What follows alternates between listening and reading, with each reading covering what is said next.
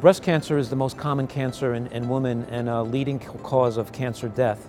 Um, and breast cancer mortality rates have declined uh, by about 40% or more in almost every country in the world. However, one of the last frontiers uh, and challenges in breast cancer is to try and prevent recurrence of the disease uh, five or more years after diagnosis. We refer to this as a late recurrence of disease um, because it typically occurs after completing a five-year course of endocrine therapy. So we designed a study to evaluate whether a biomarker, a test that's um, already available for other indications, um, could help identify who is at greater risk for late recurrence.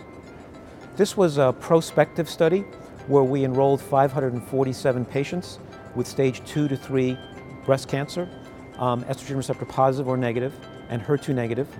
Um, they had been previously enrolled on a prior study uh, coordinated by our group, the ECOG ACRIN Research Group, um, cancer clinical trials group funded by the National Cancer Institute.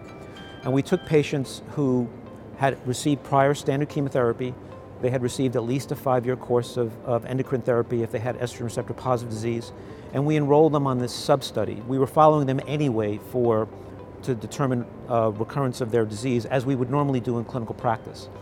And um, a subpopulation of, the, of patients enrolled in this study agreed to provide a blood sample. And the blood sample was for evaluation of circulating tumor cells. Since we did not know whether this, this test would provide useful information, we did not inform the clinicians or the patients about the results of the test. We accrued patients over about three and a half years, and about a year after completion of the study, we analyzed the data. And we found the following. Number one, about 5% of the patients uh, had detectable circulating tumor cells in their bloodstream, despite the fact that clinically they had no evidence of recurrent disease. And secondly, in the group of patients who had estrogen receptor positive breast cancer, the group that's, has, that is at risk for late relapse, that those who had a positive CTC test had a 20-fold higher risk of recurrence. So that, that translated into a, uh, a 35% risk of recurrence for those who had a positive CTC test, but only a 2% risk of recurrence for those who had a negative CTC test. I think the results of the study have very important implications for clinical research and ultimately clinical practice.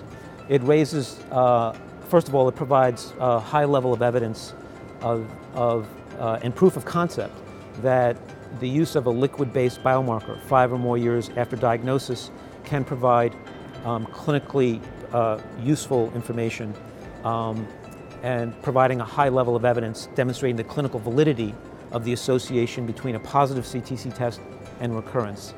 Um, secondly, it um, reinforces the notion that perhaps there should be a second decision point in the patient's care five or more years after diagnosis that can um, be based on a blood-based biomarker that to help inform patients what treatment to receive.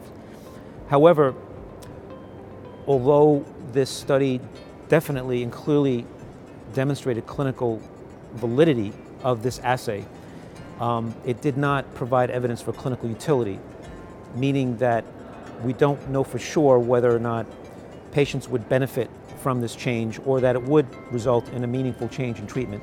So we need to do additional studies.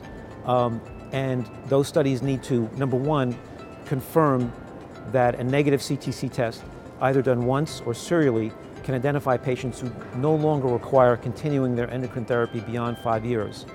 And then in addition, for those who are at very high risk of recurrence, for those who are CTC positive, um, those patients recurred despite receiving standard endocrine therapy.